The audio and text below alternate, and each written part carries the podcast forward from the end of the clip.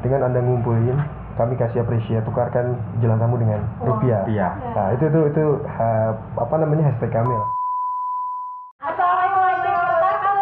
Selamat sore semuanya yang lagi dengerin di rumah Ija dan juga eh, anggota yang tradisional di mana pun kalian berada. Ya semoga kalian yang ngedengerin podcast ini, eh, semoga kalian semua sehat selalu ya Cak. Oke. Eh, oh iya, terus eh, gimana nih Cak? Kita hari ini mau ngapain nih? Hmm, kita hari ini. Oh iya, sebelum mulai podcast ini, aku tuh mau rekomendasi ini buat warga Bandung yang pengen asik-asik atau cuma sekedar nongkrong atau cuma em, mau nugas dengan nyantai gitu. Eh, kalian bisa banget nih datang ke Blue Space Cafe and Creative Space yang ada di Jalan Prabu Dimunto nomor 22, Dago Bawah, Bandung. Nah di Bruce ini juga nih Cak, di sini tuh menerapkan eh, protokol kesehatan nih 3M. Jadi 3M itu apa Cak? Mencuci tangan, memakai masker dan juga menjaga jarak. Eh iya mau ngomong ini nih, kita eh pakai yang pakai yang dulu ya sih biar enak gitu. Mau dipakai. Oke. Eh iya ini atuh pakai dulu kan boleh buat diri sama oh, iya. pakai dulu ya. Iya nggak sih? Ini ya, ini ya. Oh iya sebelumnya nih sebelum kita mulai yang eh, ke ini ya ke Podcast selanjutnya podcast ini. hari ini kita kenalan dulu nih Cah. Aku Faza, aku eh, aku di sini sebagai MC dari eh, podcast Suara Lingkungan 3.0 dan sama teman aku juga. Aku Caca, aku dari eh, MC juga di podcast kali ini. Dan juga kali ini kita tuh ngundang salah satu narasumber sekaligus tamu lah ya. Iya. Eh, Dari- ini dari Dari mana nih? Ayo, boleh kenalan aja. Kenalan aja lah. Jadi pertama saya Alifio Muhammad Fisio, saya dari Red Energy Oil. Gitu. Nah, saya sendiri dari Red Energy Oil juga. Nama saya Muhammad Giri Lugi. Panggil aja Giri lah. Oke. Giri dan Tio. Giri dan Tio. Oke. Yap. Hmm, oh iya. Eh, boleh dikenalin gak sih sebenarnya like energy oil tuh kayak gimana sih terus kalian tuh eh, sebenarnya eh, kalian ngebangun ini tuh karena apa atau karena mungkin kalian kepikiran apa gitu sampai bisa terbentuknya like energy oil ini gitu. Iya. Boleh Mas Tio. Itu sebenarnya ya. banyak yang penasaran juga ya, kenapa kita tuh bangun eh, ini company gitu, Red Energy Oil. Hmm. Pada dasarnya jadi saya ceritain dari tahun 2019. Jadi perusahaan idea saya itu pertama dari saya pribadi, dari Vio pribadi tahun 2019 bulan November. Nah, jadi saya tuh ada korelasinya sama kuliah saya. Jadi kuliah saya itu jurusan logistik bisnis kan. Jadi saya senang banget ekspor impor. Waktu itu saya ngelihat berita kalau salah dari CNBC, CNBC Indonesia, bahwasanya ada kuota eh, ekspor minyak jelantah itu dibutuhkan oleh Belanda. Nah, saya tuh bingung di situ, oh, minyak jelantah bisa dijadiin apa ya gitu. Bisa bisa jadi apa, ini energi apa gitu kan. Akhirnya saya observasi almost satu bulan lah, saya satu bulan observasi, oh ternyata bisa dijadikan energi terbarukan yaitu biodiesel. Nah itu ceritanya dari situ idenya. Nah setelah itu saya bangun tuh masih sendiri, saya masih sendirian, belum ada Mas Giri ya Mas, belum ada Mas Giri, saya masih sendirian. Pada akhirnya, oh ini harus banyak orang, saya kur- kekurangan manpower gitu, karena kan banyak yang harus di situ Iya, iya. juga. Akhirnya saya ceritain lah ke Mas Giri untuk jadi mitra. Mas bantuin saya dong untuk bangun eh, ini company gitu loh. Waktu itu namanya belum Red Energy Oil. Waktu itu namanya Hijau Sejahtera Nusantara. Ah, gitu. masih Menghijaukan, Menghijaukan mensejahterakan. Nusantara. Nah, itu ceritanya gitu ya. Cuma berhubung nanti cita-cita kami tuh pengen jadi ekspor internasional kan. Jadi kita berubah pakai bahasa Inggris ya. Iya. Ceritanya gitu. Itu ide pertamanya tuh tahun 2019 sampai pertama kali kita mulai eh, on the ground itu 2020. Jadi baru-baru gitu. Tahun 2020 kami baru on the ground. Oh, berarti Jalan. yang pertama kali buat apa ya ada ide buat ngebangun itu dari Hmm. ya Iya. Oh, hebat banget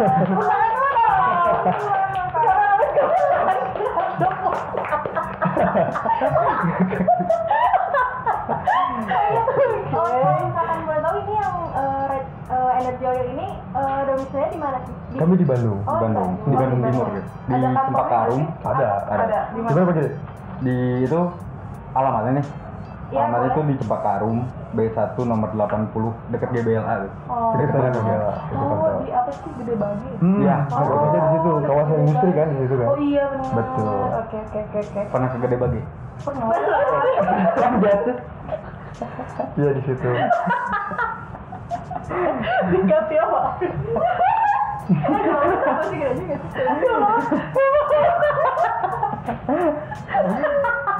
Oke. Oke oke oke. Oh. Dan di sini di Eh, eh, aku tuh mau nanya nih sebenarnya eh, kalau dari RL sendiri itu ini tuh sebenarnya ngolah ngolah atau gimana gitu Hmm. karena yang aku lihat ya apa sih maksudnya si minyak jatah itu kayak diolah gitu Hmm, terus hmm. di, di apa sih dipasarin gitu Ya. ya kegiatan sebenarnya tuh diapain sih gitu minyak Oke. jatah gitu Jadi kalau apa red energy oil sendiri itu kita lebih ke handling, tapi tidak diolah. Si produknya tidak kami olah. Hanya disaring aja gitu? Handling. Hmm, jadi handling yang tepat supaya itu satu tidak jatuh ke tangan yang salah. Sebutkan saja bahwasanya jatuh ke tangan yang salahnya adalah minyak tersebut disuling atau digunakan kembali oleh yang pihak ter- tidak bertanggung jawab. Itu kan riskan banget gitu.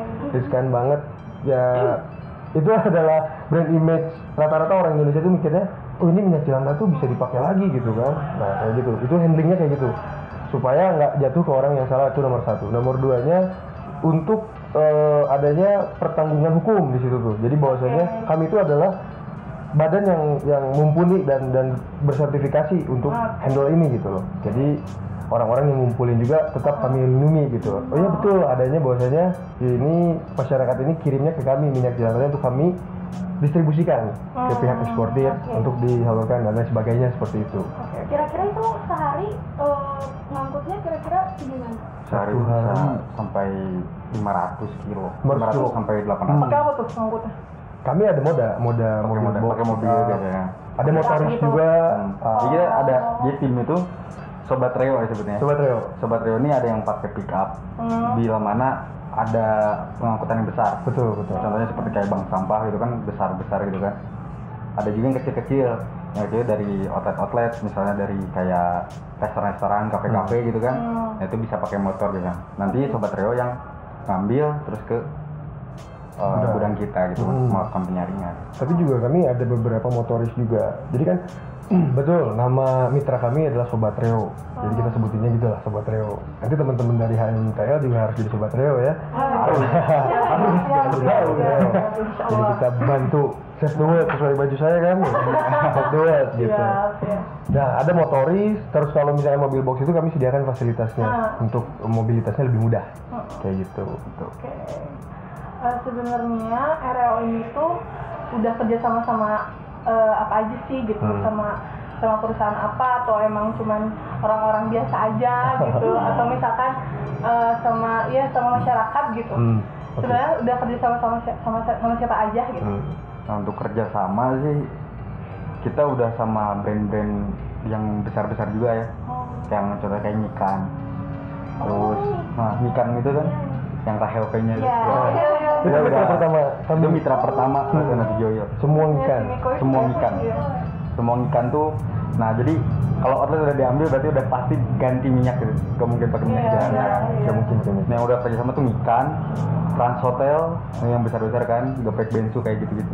Itu udah kerjasama. Dan masih banyak lagi. Dan masih banyak lagi. Itu hampir 500-an lah kalau 500 di database kami ya. Itu 500. Jadi itu di luar Bandung juga Ada. ya? Ada. Luar Mitra ada? di luar Bandung juga banyak kan, di Hmm. Tasikmalaya, di Garut, Cicalengka, Ciamis, Paling sampai. Jabodetabek juga udah luas banget nggak sih maksudnya udah nggak di jangkauan kota Bandung aja tapi di kota juga gitu. Honestly, for satu tahun ini kami bangun, ya saya kami bangga sih akan keterjangkauan sejauh itu gitu loh. Banget. Terutama, oh gini, kalau mitra ada yang paling saya banggakan. Jadi saya tuh kalau restoran, terus kafe atau hotel itu kan udah biasa. Bahwasanya mereka pasti pasti produksi makanan gitu loh. Kasarnya pasti pakai minyak. Nah, yang saya bangga itu ada ketertarikan di sini bank sampah. Itu bank sampah itu dari kecamatan Panjelekan ya Pak Gina? Kecamatan Panjelekan sama kecamatan Bojong Soang. Nah, jadi kader-kader PKK-nya ibu-ibu PKK itu dia sounding ke ibu-ibu yang lain bahwasanya eh, ini minyak tuh bisa diperbaharui atau bisa dikirimkan ke Red Energy Oil untuk untuk ada namanya penanganan seperti itulah. Sosialisasi. Ya itu, jadi kami diundang sama Pak Giri juga ada, kami ada foto-fotonya bisa lihat di redenergyoil.id Instagramnya. Kami eh, edukasi lah di sana dan 80% itu masyarakatnya kurang teredukasi masalah minyak jelantah itu. Jadi betul. Jadi ini ini for, for share aja ya. Hmm. Rata-rata ibu-ibu itu sudah pakai, jadi dia dibuang aja ke saluran air. Iya, dia buang iya, aja ke tanah iya, gitu. iya. Nah, akhirnya mereka nanya kan dampaknya apa Pak Vio, Pak Giri? Nah, kami jelaskan itu di edukasi akhirnya terciptalah dua bank sampah itu, bank sampah bersinar dan bank sampah sehat. Kalau bank sampah bersinar sebetulnya sudah diciptakan oleh Buffet. Oh iya, Iya. aku juga pernah sempat baca sih yang bank sampah bersinar. Yes, Oh, iya. itu itu hebat, orang-orang hebat di situ. Dan juga satu lagi bank sampah sehati, itu Bu Juli. Nah, jadi kami bersinergi dengan ibu-ibu gitu. dengan ibu-ibu. Itu yang paling kami banggakan sih dari seluruh outlet perusahaan kurang, maksudnya kurang ya udah biasa aja gitu. Tapi yang paling saya kenal tuh karena saya touch langsung dengan masyarakat dengan Iya. ibu-ibu gitu. Oh, Saya iya. touch langsung gitu kan. Jadi lebih berkesan Yes, gitu ya. gitu. Dan target kita ke depannya 151 perusahaan harus punya bank sampah. Amin. Gitu. Ceritanya. Oke, balik lagi nih ke tentang eh, penyaringan minyak jelantah. Ini tuh sebenarnya si minyaknya tuh disaring itu pakai apa sih? Kayak ada alat tertentunya atau alat khususnya gitu? Oh ya. Yang pasti ada. Ada alat khususnya itu untuk penyaringannya biar misalnya ampas-ampas yang tebelnya gitu ya, misalnya yang besar, ukuran besarnya itu tersaring sampai ke partikel-partikel kayak apa ya terigu gitu kan, Terigu. itu nggak boleh masuk tuh, Iya, untuk, iya. jadi nggak bisa diolah lah kalau misalnya MNI-nya tinggi itu kan, Dan MNI itu kayak kotoran dan kadar airnya, kalau misalnya tinggi itu nggak bisa diolah jadi Iya, jadi so. Nah jadi kita ada penyaringan namanya mikron, Mikron. ya di mana itu misalnya pori-pori untuk penyaringan itu kecil. Hmm. Nah kita cuma butuh itu doang untuk penyaringan gitu. Hmm, nama mikronya, ki- yang mikron yang kita pakai itu ke, ke pori-pori kecilnya 200 sampai 500. Jadi kecil banget. Bisa nanti dicek aja di toko, ada ada kecil banget. Jadi kalau kita nyaring, hmm, nyaring satu jerigen itu bisa lama banget. Karena kan dia nyari itu Hasil bisa. saringannya tuh pasti dimasukin kayak ke dirijen gitu ya atau Hmm. Iya. ke dirijen gitu. Gini. Inventory-nya kita pakai Dirijen. jerigen. Oh gitu kan? Ya. Ya. Nah, ini kita ada juga apa penampungan yang besarnya. Hmm. Itu di IBC itu daya tampung satu IBC itu seribu li- seribu liter, seribu kilo Lah, seribu kilo. satu ton. Ton. Itu IBC. Hmm. Itu sehari tuh se- seribu ton atau Ya kadang enggak kalau kita sih sehari 500 sampai 800 Lima sampai Tergantung ya? 800. Hmm. tergantung gitu. hampir mendekati satu ton. Ya kira-kira kalau misalnya dari eh, minyak jelantah ini eh, ada nggak sih dampak lingkungannya gitu apakah dampak negatifnya atau apanya? Hmm. Nah ini dampaknya menarik juga nih buat dibahas karena eh, setelah kita turun ke lapangan masih banyak banget ya Banyak banget. banyak banget hampir 80% orang yang kita datang itu nggak tahu menahu jelantah ini bahaya gitu Betul. Iya. Betul sekali. Iya. ini tuh kita mau gimana gimana ya kayak kalau misalnya nggak di handle di handling dengan benar bakal balik lagi ke kita contoh gini kayak misalnya ibu-ibu di di rumah gitu ya Hmm. habis masak Wah. dia buang ke saluran air contohnya. Iya. itu nanti ibu-ibu tuh harus nyiapin uang buat ganti pipa tuh pasti karena tersumbat kan nanti kan. Iya. oke sisanya dia masuk ke aliran air ke selokan. Selokan jadi nanti jadi bau. Wah jadi jadi nggak enak lah gitu ya Betul. baunya warnanya gitu kan. Ngalir, ngalir lagi dia. Ngalir lagi ke sungai. Nah di mana nanti minyak ini kan eh, diamnya di muara-muara gitu kan. Dia diem di permukaan air. Nah nanti di permukaan air tuh misalnya eh, sinar matahari nggak bisa masuk oksigen nggak bisa masuk bisa masuk. bakteri lah muncul Betul. di perairan nanti ke laut lagi kan nanti ke laut tetap itu menutupi permukaan air memunculkan bakteri Iya. bakterinya nanti eh, kena ikan ikannya ditangkap sama nelayan dijual lagi ke kita Jadi balik lagi. iya balik lagi ke kita lagi Dampaknya ke kita Iya. lagi ke kita lagi Iya. terus oh saya nggak nggak buang ke lingkungan Iya. kok kita ngegoreng nih sampai habis ini banyak juga di di apa outlet outlet gitu ya Hmm. Iya. beberapa outlet outlet yang sebelumnya nih ngelakuin kayak gini jadi dia tuh dipakai sampai habis dia ditunggu surut dulu hmm, Iya. ditambah lagi yang baru Tunggu. atau dia eh, enggak kok kita dipakai buat sambal kata dia Nah itu kan dimakan gitu kan. Dia lagi investasi buat sakit jantung. Iya, bener bener bener ya. Lagi bener Dan Suatu hari dia orang Betul. Kan dia apa ya maksudnya nggak saving cost saving cost dia setengahnya enam ribu lah ya buat gak ngeganti itu. Tapi kalau timbulnya penyakit nggak munculnya trust sama masyarakat kan outletnya lagi nanti. Tanggung jawabnya. tanggung jawab. Betul, kita sebagai pelaku usaha juga kan harus punya tanggung jawab Iya. kepada ini apa pelanggan pelanggan kita juga kan. Nambahin. Mungkin kan alasannya ya, oh saya nggak buang ke air kok, saya buang ke tanah, sama aja. sama aja Sama aja. sama aja Mau dia buang ke air, mau ke tanah, sama aja. Ekosistemnya, makanya itu yang pengen eh, cita-cita Reo tuh apa ya istilahnya, kami harus kejarkan save the world. Karena kalau bukan sama kami, sama siapa lagi kan? Kayak gitulah. So eh, banyak di sana tuh yang kurang tahu edukasi. Sehingga gini, misalnya dia buang tuh, ibu-ibu atau masyarakat luas tuh dia buang ke air. Itu kan minyak dan air itu nggak bisa nyatu. Iya. Ya kan molekulnya beda. Lebih kecil air kan, Iya. lebih partikelnya lebih kecil air. Sehingga kalau udah banjir, bau nih. Yang disalahnya pemerintah kan. udah ya Oh ini pemerintah nih gini gini gini gini gini gitu. Padahal itu adalah Masyarakat efek sendiri. masyarakat sendiri. Itu kan yang harus diedukasi. Nah ibu-ibu yang kemarin kami temuin itu, alhamdulillah jadi pengerti ya. mengerti ya Makanya ibu bantu dukungan kami gitu loh. Istilahnya ini harus harus diedukasi banyak. Iya. Nah, apresiasinya dari kami itu kami kasih ibaratnya sok bu eh, atau masyarakat luas ya atau mitra-mitra kami sobat Rio itu dengan anda ngumpulin kami kasih apresiasi tukarkan jalan tamu dengan rupiah. Iya. Nah itu itu itu ha- apa namanya hashtag kami lah tukarkan ja- jalan tamu dengan rupiah. Iya. Itu Jadi kami ada dua hashtag. appreciate. save the world tukar jelantah jadi rupiah Betul. Nah, tapi harus didukung juga ya nanti sama pemerintah. harus Kita harus dibayar. Lah. Iya. Kan kalian yang ini ya, gitu kan. Oh iya, eh, aku tuh mau nanya nih kalau misalkan eh, dari kayak pemasok minyak jelantah kayak misalkan restoran atau apa bermitra sama kalian tuh caranya tuh kayak gimana gitu? Maksudnya eh, bayar nggak? Atau emang eh, gimana gitu Hmm. maksudnya eh, bisa nyampe ke ini ya, kayak cara bermitra Iya, itu, iya. eh, Nyampe ke kalian tuh kayak gimana kalian kayak gitu. gimana kita gimana Nah, jadi kalau misalnya proses bagaimana cara bermitra dengan Red Energy Oil nih, Hmm. biasanya tuh outlet-outlet tuh di, di ini dulu didatengin dulu ya, didatengin dulu sama sobat Reo, Hmm. ditanyakan eh, apakah ada penggorengan di sini. Kalau ada penggorengan sudah pasti ada jelantahnya kan.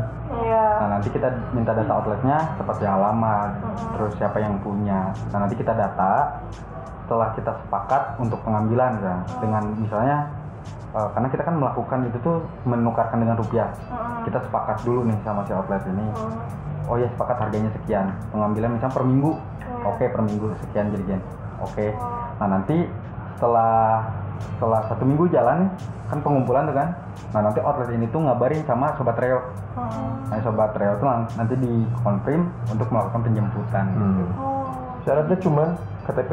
KTP Kami aja KTP begitu. Betul, tidak dikenakan biaya administrasi, tidak malah kami fasilitasi. gratis lah ya. Iya, gratis for free gitu. Bisa nih kayak kita. Bisa dong.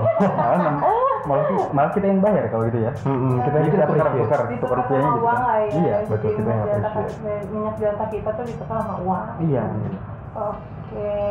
oh iya eh, buat ke depannya nih dari RO ini Hmm. ada proyek lain nggak sih selain kan eh, sekarang masihnya kayak eh, meng- apa pengangkutan ini ya minyak jelantah kayak gitu-gitu kira-kira ke depannya ada rencana lain nggak sih mau ngapain aja bikin Oke. proyek lain gitu Jadi hmm, untuk kami sendiri program atau proyeksi ada after Lebaran tahun ini. Doakan saja. Jadi kami akan memperlebar si jangkauan kami, nggak hanya di Jawa di Jabodetabek dan Jawa Barat, tapi kita akan ekspansi ke Jawa Tengah ya Pak Giri ya. Jawa Tengah. Jawa Tengah, Jawa Timur gitu. Kami buka mitra di sana. Kemarin juga sempat kita eh, kenal-kenalan lah sama bagian sana. Jadi kan sebenarnya eh, yang handling ini nggak banyak orangnya dan nggak banyak orang tahu gitu loh. Saya share sedikit aja. Makanya gampang nemuinnya sebetulnya sama yang berkorelasi di bidang ini, di bidang di bidang apa UCO gitu loh. Nah kami kan eh, pengennya ngebentuk ngebentuk company ini adalah waste management gitu, spesifik jelantah UCO gitu loh, waste management. Jadi kas- kasarnya Oke, Anda punya hotel atau Anda punya restoran, kami bagian waste manajemennya, kami handling semuanya, selesai gitu loh. Jadi kami mengedepankan si restoran itu adalah healthy food, ya kan? Green restoran dan lain sebagainya seperti itu. Kami dukung di situ. Save the world yang tadi. Nah, program ini bakal kami launching ke beberapa brand besar. After lebaran nanti apa kira ya. Brand besar yang istilahnya nanti juga kalian tau lah tapi saya nggak mau banyak ngomong dulu. Gitu. ya takutnya kamu spoiler dulu. nanti biar boom aja sakit gitu. Nah. Nah nanti kalau misalnya kalian mampir di outlet tersebut ada tulisan chef Duet berarti itu udah kerjasama sama kita gitu. Jadi ada kerjasama lah. Jadi tawaran kerjasama itu dari salah satu hotel, grup hotel, hotel group, ya salah satu hotel grup besar lah. Nah dia nanti setiap hotel dia tuh diserahkan kepada kita dan ada juga brand franchise internasional Internasional. yang udah menawarkan. Itu ada dua brand internasional, terus yang lokalnya ada satu. Hmm. Yang insya Allah mah ya habis lebaran lah. Tapi luar. Lebaran. Amin, amin. Ya, sama program apa Green Talk ya. Green Talk, Kita iya. Green Talk mungkin nanti kami undang HMTL. Jadi Green Talk itu sama pihak-pihak hotel. Jadi mereka tertarik kan sama sama Reo sendiri. Akhirnya mereka ngadain untuk oke kita adain aja seminar besar untuk hotel bahwasanya kita junjung tinggi ini si hotelnya harus di Green Hotel juga gitu loh. Reo bantu untuk waste manajemennya. Oke, kami bilang gitu kan. Nah, mungkin itu adalah salah, salah satu gebrakan baru eh, di dunia perhotelan ya, di dunia food and beverage gitu dalam hal spesifik waste manajemennya. Green Talk itu mungkin uh, Mei ya kalau nggak salah kami jadwalkannya Mei gitu seminarnya di hotelnya nanti kami Insya Allah kami undang lah HMTL untuk datang gitu. Siap, ya. Nanti itu Green Talk tuh di, didatengin sama ini kayak owner-owner, Yes. owner-owner hotel, terus founder-foundernya gitu. betul betul Jadi Green Talk tuh fungsinya nanti biar nanti seluruh hotel, seluruh ya, kalau misalnya punya hotel kan pasti punya restoran juga biasanya Hmm. gitu kan di hotelnya ada restoran Hmm. gitu. Nah nanti juga semua itu kerjasama sama kita gitu. Ya ada tawaran seperti itu. Gitu. yes Jadi gitu. kesannya kayak seminar gitu ya. Mm-mm. Ya nah nanti tuh jadi diajak semua tuh si owner dan founder ini biar join yuk gitu peduli lingkungan sama kita save the Iya. world save the world with Tari. with the Joy.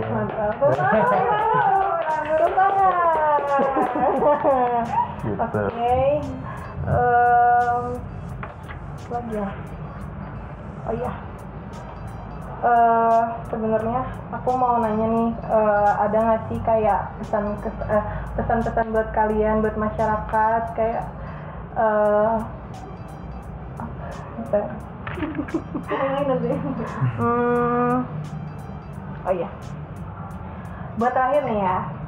Aku mau nanya nih sama Vio sama Giri, ada nggak sih pesan buat masyarakat kayak tentang mengolah limbah minyak jelantah ini tuh kayak gimana, terus gimana gitu. Hmm. Ada nggak Mungkin sih buat orang-orang tua Ya, buat orang juga. tua di rumah juga. Siapa tahu nonton gitu. Hmm. Sama anaknya. Iya, iya, iya. boleh boleh banget justru saya orang pertama di Red Energy Oil yang menggembor-gemborkan ini Iya. ya gitu ya jadi pesan saya untuk masyarakat luas eh, please save your world save our world gitu. Karena pada dasarnya bukan buat kita buat anak cucu kita nanti gitu. Loh. kalau bukan kita mu- yang mulai hari ini ya mau siapa lagi gitu. Loh jadi saya berterima kasih sama orang-orang seperti mungkin teman-teman tahu Walhi ya Walhi dan PD Kebersihan Kota Bandung. Nah itu tuh orang-orang yang tanpa kita sadari jasanya besar gitu loh. Saya saya belum berarti Reo, oh, Reo masih masih jauh gitu. Tapi pesan saya, kalau bukan karena mereka ya kita nggak akan bisa hidup senyaman ini. Dan kalaupun tidak ada mereka, masyarakat luas harus bisa mengerjakannya dengan sendiri gitu. Intinya dari dapur sendirilah gitu.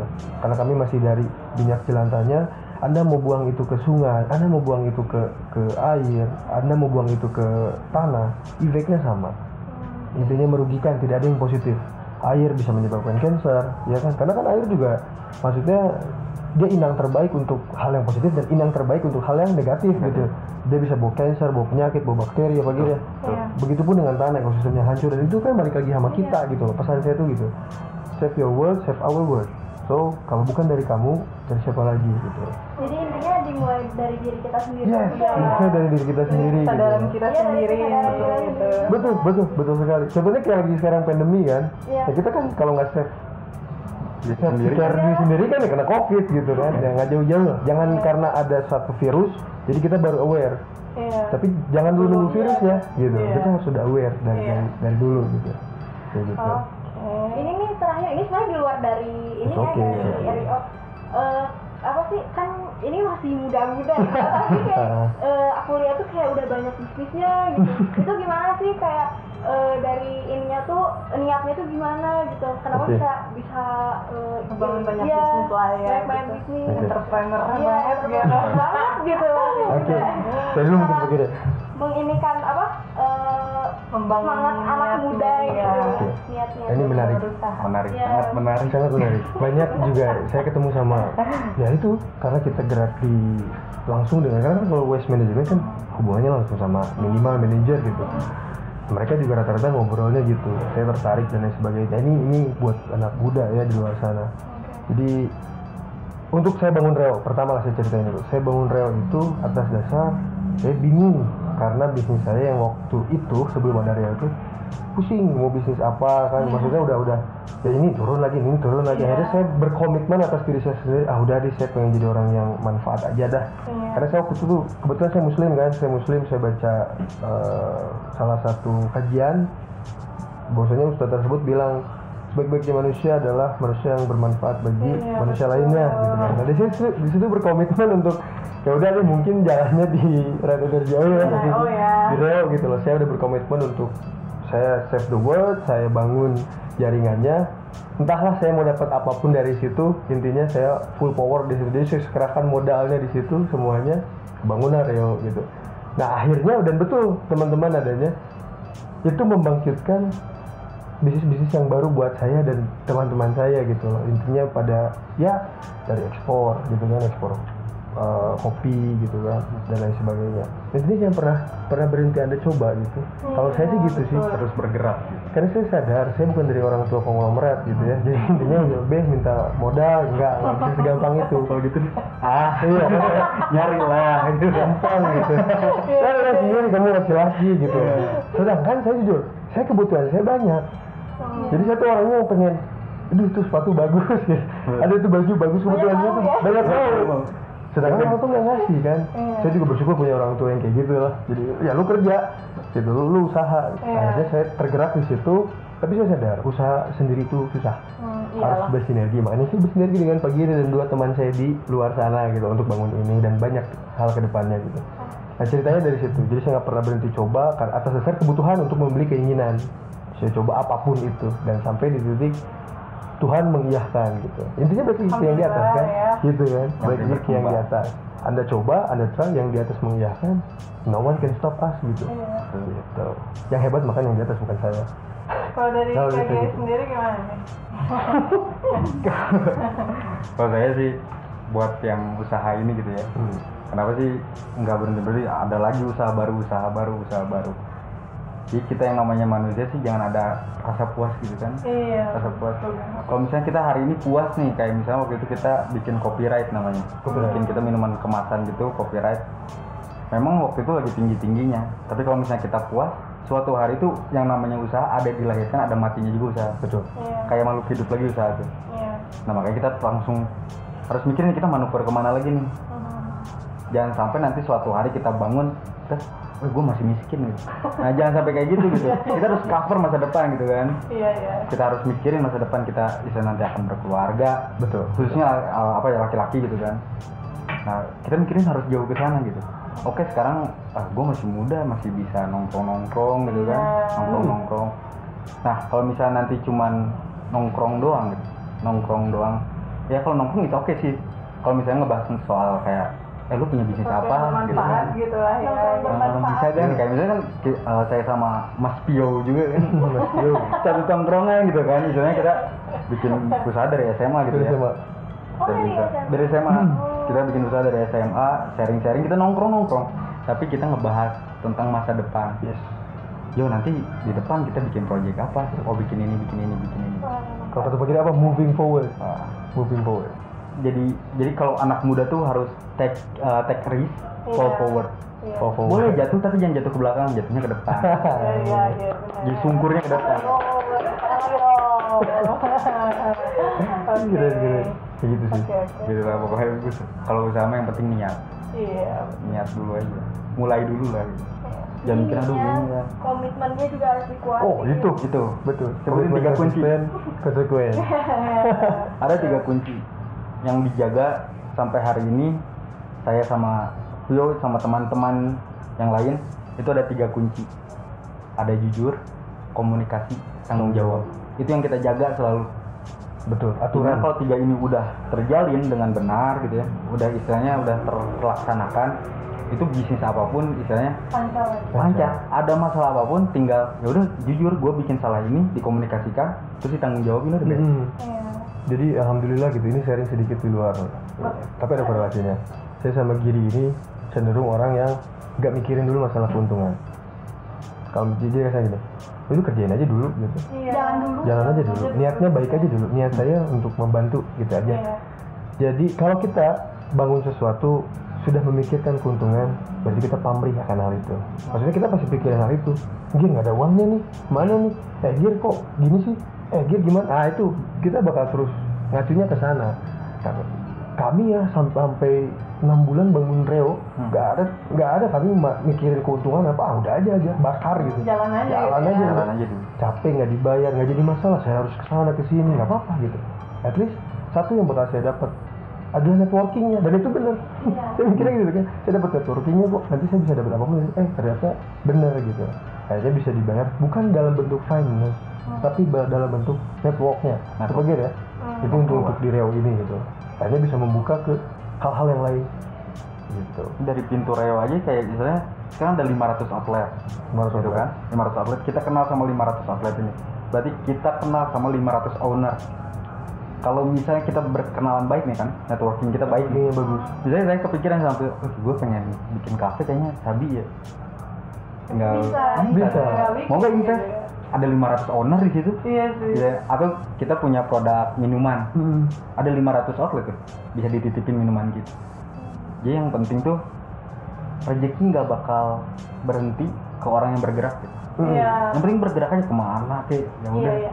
yang penting kita positif aja gitu betul betul yang penting positif gitu tapi kita normal kan ya yang semua mobile legend kok normal maksudnya masih normal Normal lah ya. gitu, gitu. Normal-normal. Jadi juga diperlebar di itu harus Oke. Oke, kayaknya udah banyak nggak sih info yang kita dapat Iya, dari RL ini dan juga pastinya eh, ilmu yang banyak banget disampaikan sama Vio dan Giri juga dari RL sendiri. Kayaknya kayaknya udah. Beda ya. Udah belum? Masih mau nanya. apa-apa ceritanya Iya gitu. sih, tapi kayak sebenarnya banyak banget yang bisa digali gitu ya. Hmm. banyak digali, banyak banget. Banyak banget. Okay. Ya, jangan lupa aja follow Instagram. Oh iya, Instagramnya. Uh, iya kan kayak misalkan mungkin dari kita juga mungkin uh, dari hasil kita ngobrol-ngobrol ini mungkin masih banyak yang kepo nih kayak masih Betul. kepo kan kayak dari kita oh. mungkin kurang informasinya. Bisa cek juga ya dari Instagramnya Reo. Reo, Reo. Ya. Eh, at rightendergyoil.id. Okay. Semuanya Inggris, jadi right energy pakai Oil, oil oil dot dan ID. ID. Oke. Terus eh tepuk tangan dulu. Boleh boleh Kayak tepuk tangan sih tuh dari tadi. Karena aku seneng seneng banget orangnya. Seneng mengapresiasi ya bang. saya juga terima kasih untuk anak-anak dari HMTL ya Iya iya iya. harus terus kembangkan seperti ini saya Makasih juga udah Makasih juga buat kalian karena dateng. nyempetin waktunya untuk datang ke sini Pasti. ngobrol-ngobrol sama kita gitu kan. dengan senang hati semoga kegiatan ini jadi kita suara untuk menyelamatkan lingkungannya lebih Betul, gitu Iya, jadi nggak cuman mencakup di, di area aja tapi Iya. buat semuanya juga yang nonton ini tuh pasti bisa bermanfaat lah Betul, ya betul. buat semuanya gitu. Gitu. itu tanggung jawab HMTL nanti ya untuk untuk tersebarkan Ya tersebarkan dong, Ini apa RIO menyebar ini kita, eh, jangan lupa buat teman-teman juga kita eh, nonton terus kan di kita juga podcastnya ini di YouTube eh, HM Tanas juga terus ada di Spotify-nya juga di HM Ya. Tali Tanas jangan lupa didengerin Jangan lupa dengerin juga yang kemarin tuh soal Iya, Mission yang 2.0 suara, iya. yang kemarin juga pasti yang ini bermanfaat banget sih buat kalian. Canda. Oke. Oh iya, jangan lupa juga follow IG-nya HMTL Itenas di HMTL underscore Itenas buat eh eh, apa? Bentar aku. Eh, buat eh, kalian kalau misalkan mau nyari informasi tentang lingkungan atau cuman sekedar pengen tahu jadwal podcast kita boleh banget nih di follow IG kita gitu Iya di HMTL. eh, underscore Itana jangan lupa follow oke jangan lupa subscribe juga YouTube kita di HMTL Itana Spotify juga follow ya biar iya ketinggalan. dengerin juga Iya, atuh didengerin. oh ya, mau ngingetin juga nih Cak. eh, Ngingetin lagi. Ini apa sih namanya tuh buat teman-teman nih ya yang mau nugas enak, itu nugas nyaman, tempatnya enak, mau nongkrong-nongkrong juga nih nyaman, bisa datang ke uh, Good Space. Nah, Good Space ini ada di Jalan Prabudi Muntur nomor 22, uh, Dago Bawah, Bandung ya. jangan lupa Nah, di sini juga eh, apa? protokol kesehatannya Iya, di sini juga protokol kesehatannya nggak lupa ya. Jadi eh, sekian da- aja Sekian. ya dari kita. pokoknya sek- sekian dari aku sebagai MC Caca dan juga Dan juga Faza, semoga informasi yang kita berikan ini bermanfaat ya buat teman-teman semua. Amin. Ya, udah kayak gitu. Assalamualaikum warahmatullahi wabarakatuh.